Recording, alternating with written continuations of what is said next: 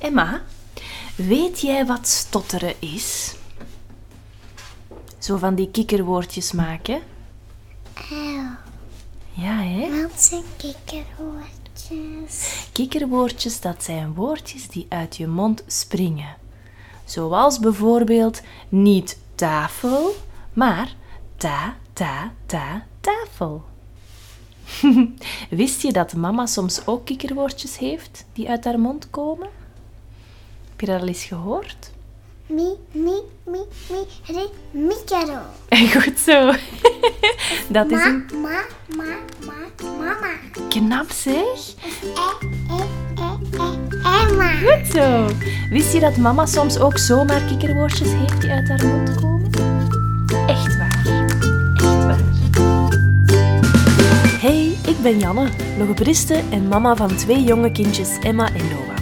Ik ben hier om jou te vertellen dat de ontwikkeling van kinderen soms heel vanzelfsprekend lijkt, maar zeker niet zo is. Elke maandag ben ik er weer met een nieuwe aflevering rond woordenschat, voorlezen, taalontwikkeling en nog veel meer. Welkom bij de podcast Vanzelfsprekend. Zelfsprekend. In deze aflevering deel ik een IGTV, dus een, een, een live op Instagram, die ik vorig jaar heb gedaan over mijn eigen stotterverhaal. Want ik stotter. Ik stotter sinds mijn drie jaar en nu nog steeds. Je hoort het niet op de podcast, of toch heel weinig. Ehm, niet omdat ik het eruit laat editen, maar omdat het gewoon niet meer zoveel voorkomt. Ehm, ja, ik denk dat het wel belangrijk is om mijn verhaal te delen omdat er misschien nog meer mensen zijn die stotteren, nog meer mensen zijn die met een verhaal zitten dat ze graag de buitenwereld willen insturen. En dat is allemaal oké. Iedereen kan bereiken wat hij wil bereiken, iedereen mag bereiken wat hij wil bereiken. Ehm, omwille van een stotter, ondanks een stotter, omwille van een stotter. Ehm, ja, dus hier is mijn verhaal. Spannend. Hey, goedemorgen. Ik wou jullie vandaag iets vertellen over eh, stotteren. Heel veel van jullie die weten al dat ik stotter, dat ik een stotter heb, ehm, een stotteraar ben. Ik, eh, ik heb heel mijn leven lang gestotterd. Dus, ehm, en ik wou jullie dat verhaal eens vertellen, want eigenlijk heb ik dat nog niet echt op, eh, op sociale media gedeeld. Dus ehm, daarmee vandaag. Ik ben beginnen stotteren op drie jaar. Nu, we weten dat stotteren in de hersenen zit, dat dat iets is dat, dat het erfelijk is, dat het iets is dat ehm, in je hersenen zit, maar er niet per se eh, moet uitkomen. Dus je wordt ermee geboren, maar het komt er niet echt uit. Ehm, tot je een uitlokkende factor hebt. Een uitlokkende factor kan verschillende dingen zijn. Hè. Ehm, een grote gebeurtenis, heel veel emotie, een, de taalontwikkeling die plots helemaal in de lucht gaat. En bij mij was die uitlokkende factor het overlijden van mijn papa. Dat is dit jaar 25 jaar geleden, dus best wel al een tijdje. Ehm, dus ik was drie jaar toen dat, eh, mijn papa overleden was. En ik, ehm, toen ben ik beginnen stotteren. Nu, dat is een grote gebeurtenis in het leven van, ehm, van een kindje. En dus dat kan zeker het stotteren uitgelokt, uitgelokt hebben. Nu, dat is zeker niet de oorzaak van het stotteren geweest, want de oorzaak zit dus in de hersenen ehm, en wordt daarmee geboren, toch bij ontwikkelingsstotteren. Ehm, maar het komt er wel uit door zo'n uitlokkende factor. Bij mij was dat het overlijden van mijn papa.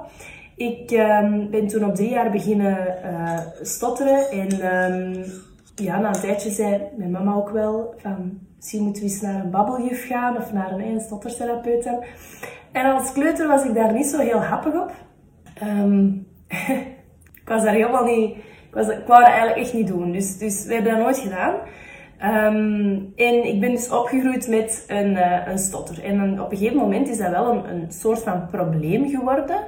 Ehm, omdat ik dan ja, daar ook tegen vechtte. Ik, ik, ik begon zo met mijn ogen te duwen, of zo met mijn hoofd te, te bewegen, om toch die woordjes eruit te krijgen. En dat noemen ze vechtgedrag. Dat is het, het vechten tegen het stotteren. Nu, ehm, dat begon ik dan wel te doen, ook omdat ik zelf dat stotteren niet zo leuk vond. Ik begon dat te beseffen dat ik stotterde. Dat is anders dan bij andere kindjes, dat is niet leuk. Eh, kindjes begonnen daar ook opmerkingen over te maken. Ik weet nog heel goed dat ik in de kleuterklas zat en dat er een, eh, een meisje was dat zei, waarom zeg je alles twee keer? Dat is toch niet juist?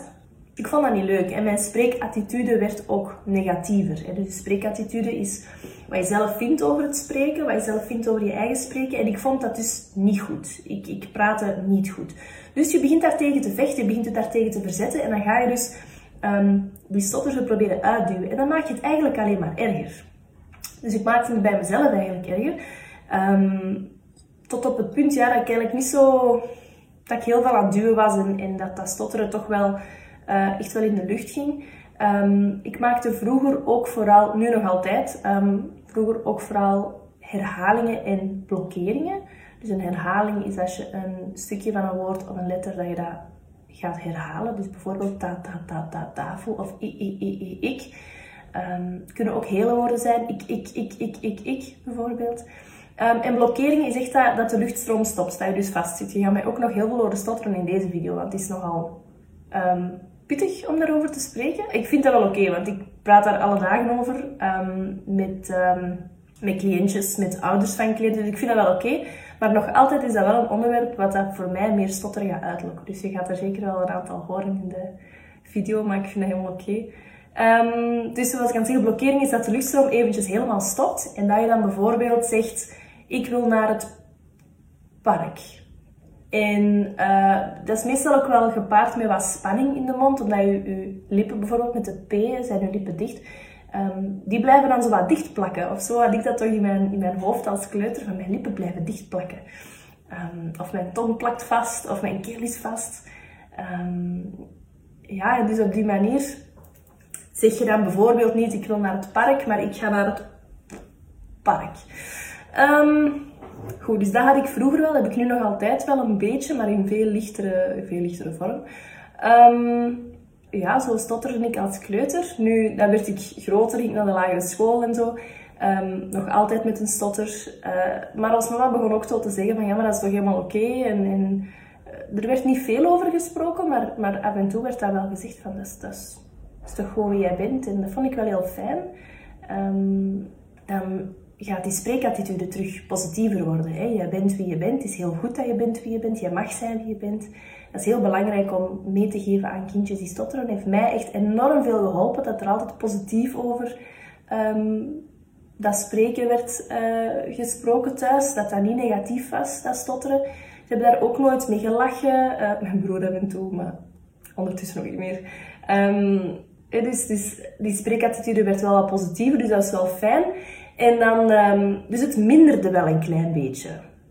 Nu, het is wel pas geminderd tegen dat ik in het middelbaar zat, denk ik. Nu, uw eigen perceptie van stotteren is altijd wel net iets anders, denk ik, dan wat de omgeving ziet of denkt of hoort. Dus voor mij is het pas verbeterd in het middelbaar. Ook omdat ik dan een jongen had in mijn klas die ook stotterde. En ik, ik, had nog nooit gezien. Ik dacht, wow, ik ben niet alleen. Wow, ik wist ook niet hoe wat het was, het stotteren. En toen, ik, ik, er werd niet zo superveel over gesproken, buiten van, jij praat toch goed, het is toch oké, je bent toch gewoon een slimme meid en, en zo wat. Maar um, het woord stotteren en, en zo, ja, ik weet niet, ik besefte dat precies niet goed dat dat er, dat dat er was, of ik, ik kende het precies niet zo goed. Um, maar dus er was een jongen in mijn klas en die stotterde ook, en uh, ernstiger dan ik. Dus en ik had direct zoiets van, maar dat is kei tof. Je bent toch gewoon goed zoals dat je bent? Dus ik vond dat wel oké. Nu, um, maar ze lachten wel met die jongen. En dan dacht ik ook weer van, oei, is het dan misschien toch niet zo oké, dat stotteren? Dus mijn eigen spreekattitude ging weer wat omlaag, omdat ik dus kinderen hoorde lachen met die andere jongen die stotteren. Dus dat was niet zo heel fijn voor, voor, voor mij natuurlijk, zeker niet voor die jongen. Maar, um, maar ook niet voor mij. Dus het begon zo wat terug, ja. En het, het ging zo wat op en neer en op en neer dat stotteren. Het is nooit ook hetzelfde geweest. Het is, het is, altijd wel, het is er altijd wel geweest, maar nooit elke dag hetzelfde. En zeker niet... Het is met periodes dat het steviger is en dat het, um, dat het lichter is. Ja, en toen heel het middelbaar door is, maar wel minder en minder en minder aan stotteren wel. Um, maar toch nog wel aanwezig. Toch zeker elke drie, vier zinnen of zo, zeker. Dus Um, sommigen vinden dat heel veel, sommigen vinden dat weinig. Ik vond dat best wel meevallen. Nu, toen kwam ik in het, in het, uh, in het hoger onderwijs en ik dacht, ik ga logopedie studeren. Um, en ik wist helemaal niet, ik was 18 jaar, ik wist helemaal niet dat logopedisten ook stotteren konden behandelen. Dat, het ook, dat je ook kon, kon bijstuderen voor stottertherapeut. Dus ik zat daar, eerste ehm, les, eerste week van, van eh, de hogeschool. En ik had het vak vloeiendheid. En ik dacht, oh fijn, wat is dat? Geen idee. Dus ik ging daar naartoe, ik zat in die les en die eerste PowerPoint was zo stotteren, definitie. En ik dacht, oh my god, ik zit hier niet op mijn plek. Want hoe kan ik ooit logopedist worden als ik zelf stotter? Dat ging er door mijn hoofd, direct. Dus ik dacht, oh nee, ik ga een andere richting moeten kiezen. Ik ga moeten veranderen. Ik ga heel mijn leven moeten omgooien. Nu, alle geluk was dat niet zo. Ehm, ik ben na die les naar de leraar gegaan, ehm, naar de prof, en ik, ik, uh, ik heb dat uitgelegd. Ik ben beginnen beginnen. Ik had zoiets van, maar ik heb ook een stotter en ik weet niet wat ik. Ja, ja, ik wist echt niet wat ik moest doen. En die zei van, ja, maar dat is helemaal oké, hè? Dat, dat maakt toch totaal niet uit. Ik denk zelfs dat dat goed is, zei ze, dat je dat zelf hebt. Omdat je dan heel goed met cliëntjes kan um, relaten. En, en, ook met die ouders en zo. Um, dat is een pluspunt, zei ze. En ik dacht, wat? dus mijn twee uur had die les geduurd en ik was echt twee uur aan het denken, oh nee. Mijn leven is om zeep. Zoiets. Een beetje dramatisch, maar hoe zeg je als je 18 bent? Hè? Um, dus ik dacht, oeh, maar het was dus oké, dacht ik dan, een pluspunt. Ik dacht, maar Leo, hoe kan dat nu? En, ik heb heel veel nagedacht die eerste weken. Ehm, heel veel geleerd, heel veel gelezen. Dat werd ook heel snel een van de vakken waar ik echt naar uitkeek om, om naar de les te gaan, omdat ik gewoon echt aan het bijleren was. Ik was echt aan het bijleren over mezelf. Ik was aan het bijleren over andere mensen. Ik was aan het bijleren over stotteren, wat dat dan juist was en wat ik allemaal deed en hoe dat, dat dan zat. Ik vond dat heel interessant. Dus had ik als kind therapie gehad, had ik dat allemaal al geweten en had ik waarschijnlijk veel vroeger, had ik veel vroeger um, minder gestotterd. Uh, was het misschien weg geweest? Ik weet het niet. Dat hoeft voor mij ook helemaal niet, want ik ben heel blij met mijn stotter nu. Maar um, had het helemaal anders gelopen. Maar, dus ik ben wel blij dat het, dat het ook zo is gelopen, omdat ik dan in de hogeschool ineens, dat, dat, dat kwam binnen als een donderslag. Um, en misschien had ik dan niet de, richting gekozen die ik had gekozen, hè? wie weet. Dus volwassene. Hè, dan, dan, was ik een volwassene en ik, adolescent, en ik, uh, ik had een stotter en ik werd dan logopedist en ik dacht van ja, maar ik had geen, uh, geen stotteren gezien op mijn stages. Dus ik ben afgestudeerd als logopediste, geen stage gehad bij, uh, bij kindjes die stotteren. En um, ik dacht daarna, toen ik begon te werken, van ja, ik vind het eigenlijk wel heel interessant.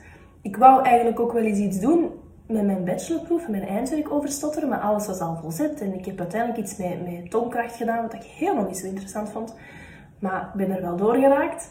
Dus ik, uh, ik begon te werken en ik, begon, ik bleef toch denken over die, die, dat stotteren, over dat, die lessen en, en die therapieën. En ik vond dat heel interessant. En met die ouders werken en met die kleuters werken.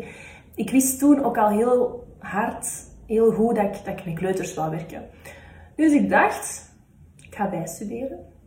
Een, een extra specialisatiejaar doen. Een uh, postgraduaat ECSM heb ik gedaan. De European Clinical Specialization in Fluency Disorders. Moeilijke naam voor gewoon stottertherapeut worden. Um, en uh, toen kwam ik daaraan.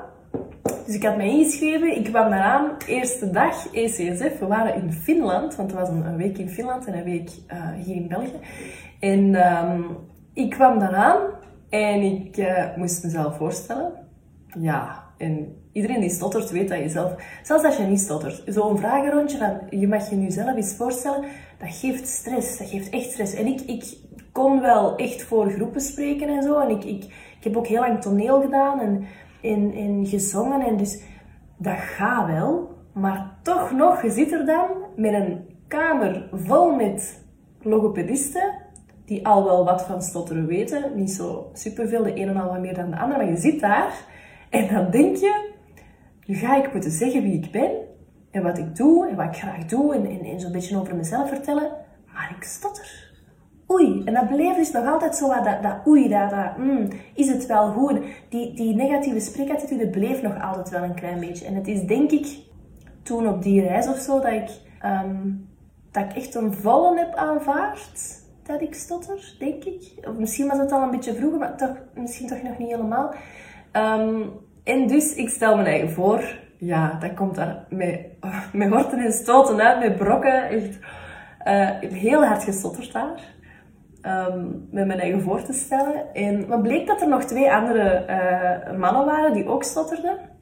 Dus we waren met 24 die dat stottertherapeut wilden worden. En er waren er drie die stotterden. Ik en dan uh, Tommy en Judy. Um, super fijn om die ook te ontmoeten en om, om gewoon iedereen te ontmoeten. Hè, maar om te zien dat er toch heel wat uh, stottertherapeuten zijn die ook zelf stotteren. Dat is heel fijn om te horen en heel leuk om, om, uh, om zelf ook te zijn. Ik vind dat een enorm voordeel nu. Dus uh, ik heb er heel veel geleerd op die eerste week. Op die tweede week ook nog. We moesten dan een casus presenteren op die tweede week. Dat was ook een ramp qua stottergedrag voor mij. Um, maar kei leuk. En ik voelde mij echt al heel veel beter om al stotterend gewoon mijn, mijn presentatie te geven. Um, en nu ook, nu als ik video's maak, als ik uh, met ouders babbel, als ik met kindjes babbel, er zijn altijd stotters. Je kunt terugspoelen en de stotters tellen als je wilt. Er zijn er zeker al tien gepasseerd, denk ik. Hele lichte, maar er zijn er al zeker tien gepasseerd. Nu, um, nu vind ik dat heel fijn en ik heb dat denk ik echt geleerd door, door zelf stottertherapeut te worden en door daar veel over bij te leren. Dus ik denk dat het wel echt een, ik weet dat het een enorme meerwaarde is om stottertherapie te volgen. Um, ik heb denk ik een beetje indirecte stottertherapie gekregen door zelf daarover bij te leren en, en die opleiding te doen. Um, kan ik dat misschien een beetje vergelijken met stottertherapie? En dan om echt gewoon met kindjes te beginnen werken. Hè. Dat is zo fijn, uh, stottertherapie geven. En zo fijn om ook aan ouders mee te geven dat ik zelf stotter. En dat, hoe ik dat ervaren heb als kleuter, lagere schoolkind, middelbaar, adolescent, eh, alleen gaan wonen, samen gaan wonen. Zo. Al die, die, um, die rollen dat je hebt aangenomen in je leven, allemaal met een stotter. Het is heel fijn om dat te kunnen doorgeven, om, dat te kunnen, om daarover te kunnen praten met ouders en met kindjes ook. Want heel veel ouders zijn heel bang voor de toekomst of onzeker van wat gaat het brengen en gaat hij wel een, een goede job kunnen krijgen en gaat hij wel... wel... Allee, er is heel veel stigma, hè? heel veel... De maatschappij is enorm, um, enorm negatief nog over stotteren. Of zo wat, dat is wel een taboe. Dus ik uh, ben heel blij dat ik dat mee kan verbreken, dat taboe. En uh, ik ben heel trots dat ik nu stottertherapeut ben. Uh, het woord alleen al is kei moeilijk om te zeggen. Stottertherapeut. Echt waar. Voor mensen die stotteren, het is niet gemakkelijk. Maar het is wel heel leuk om, uh, om allemaal te doen. En um, ik ben heel trots dat ik stottertherapeut ben met mijn stotter. En ik hoop dat ik op deze manier nog heel, heel, heel veel kindjes kan helpen, kan ondersteunen, nog veel ouders kan ondersteunen, veel de maatschappij een beetje kan gewoon maken aan dat stotteren. Want ik stotter niet hard, maar ben echt super grote fan van mensen die met een, met een, een, iets zwaardere stotter uh, dit ook doen. Ook op sociale media komen, ook op tv komen, ook van alles doen. Um, ik ben er heel, heel trots op en heel blij om, want dat moet echt. Het moet echt meer in de media komen, het moet meer online komen, het moet meer uh, in de maatschappij gewoon aanvaard worden. Want zo um, gaan onze kindjes ook, stel dat er een kindje komt in hun klas en ze hebben er al veel gehoord op tv of ze hebben er al veel gehoord in, in de omgeving of, of weet ik waar, dan gaan ze daar ook niet zo negatief op reageren. En dan gaat dat één kindje dat er bij mij was er niet zijn. Hè? Dat kindje dat zegt, waarom praat je zo raar? Waarom zeg je alles twee keer? Ze gaan dat niet zeggen, want ze vinden dat oké. Dat is gewoon oké, dat is normaal. Dat is zoals kindjes met, um, met hoorapparaatjes, kindjes met een bril, kindjes met krulhaar, kindjes met een andere huidskleur, kindjes met, met een... Uh, als er maar iets anders is, dan springen kinderen daarop. En dat is heel jammer. En ik denk, als dat meer in de maatschappij wordt aanvaard, dat we zeker grote um, vooruitgang kunnen boeken. En dat iedereen zich dan gewoon beter voelt. Dus dat is een beetje mijn, uh, mijn missie. Um, over het algemeen, ik, ik hoop gewoon dat iedereen die stottert kan zeggen wat hij wilt zeggen op elk moment. En dat hij alles kan bereiken. Ondanks hun stotteren, maar ook omwille van hun stotteren. Want dat heb ik zeker gedaan. Ik heb dit, ik heb dit volgens mij nooit gedaan, had ik zelf geen stotter gehad. Dus daar ben ik wel heel blij om. Merci om te luisteren.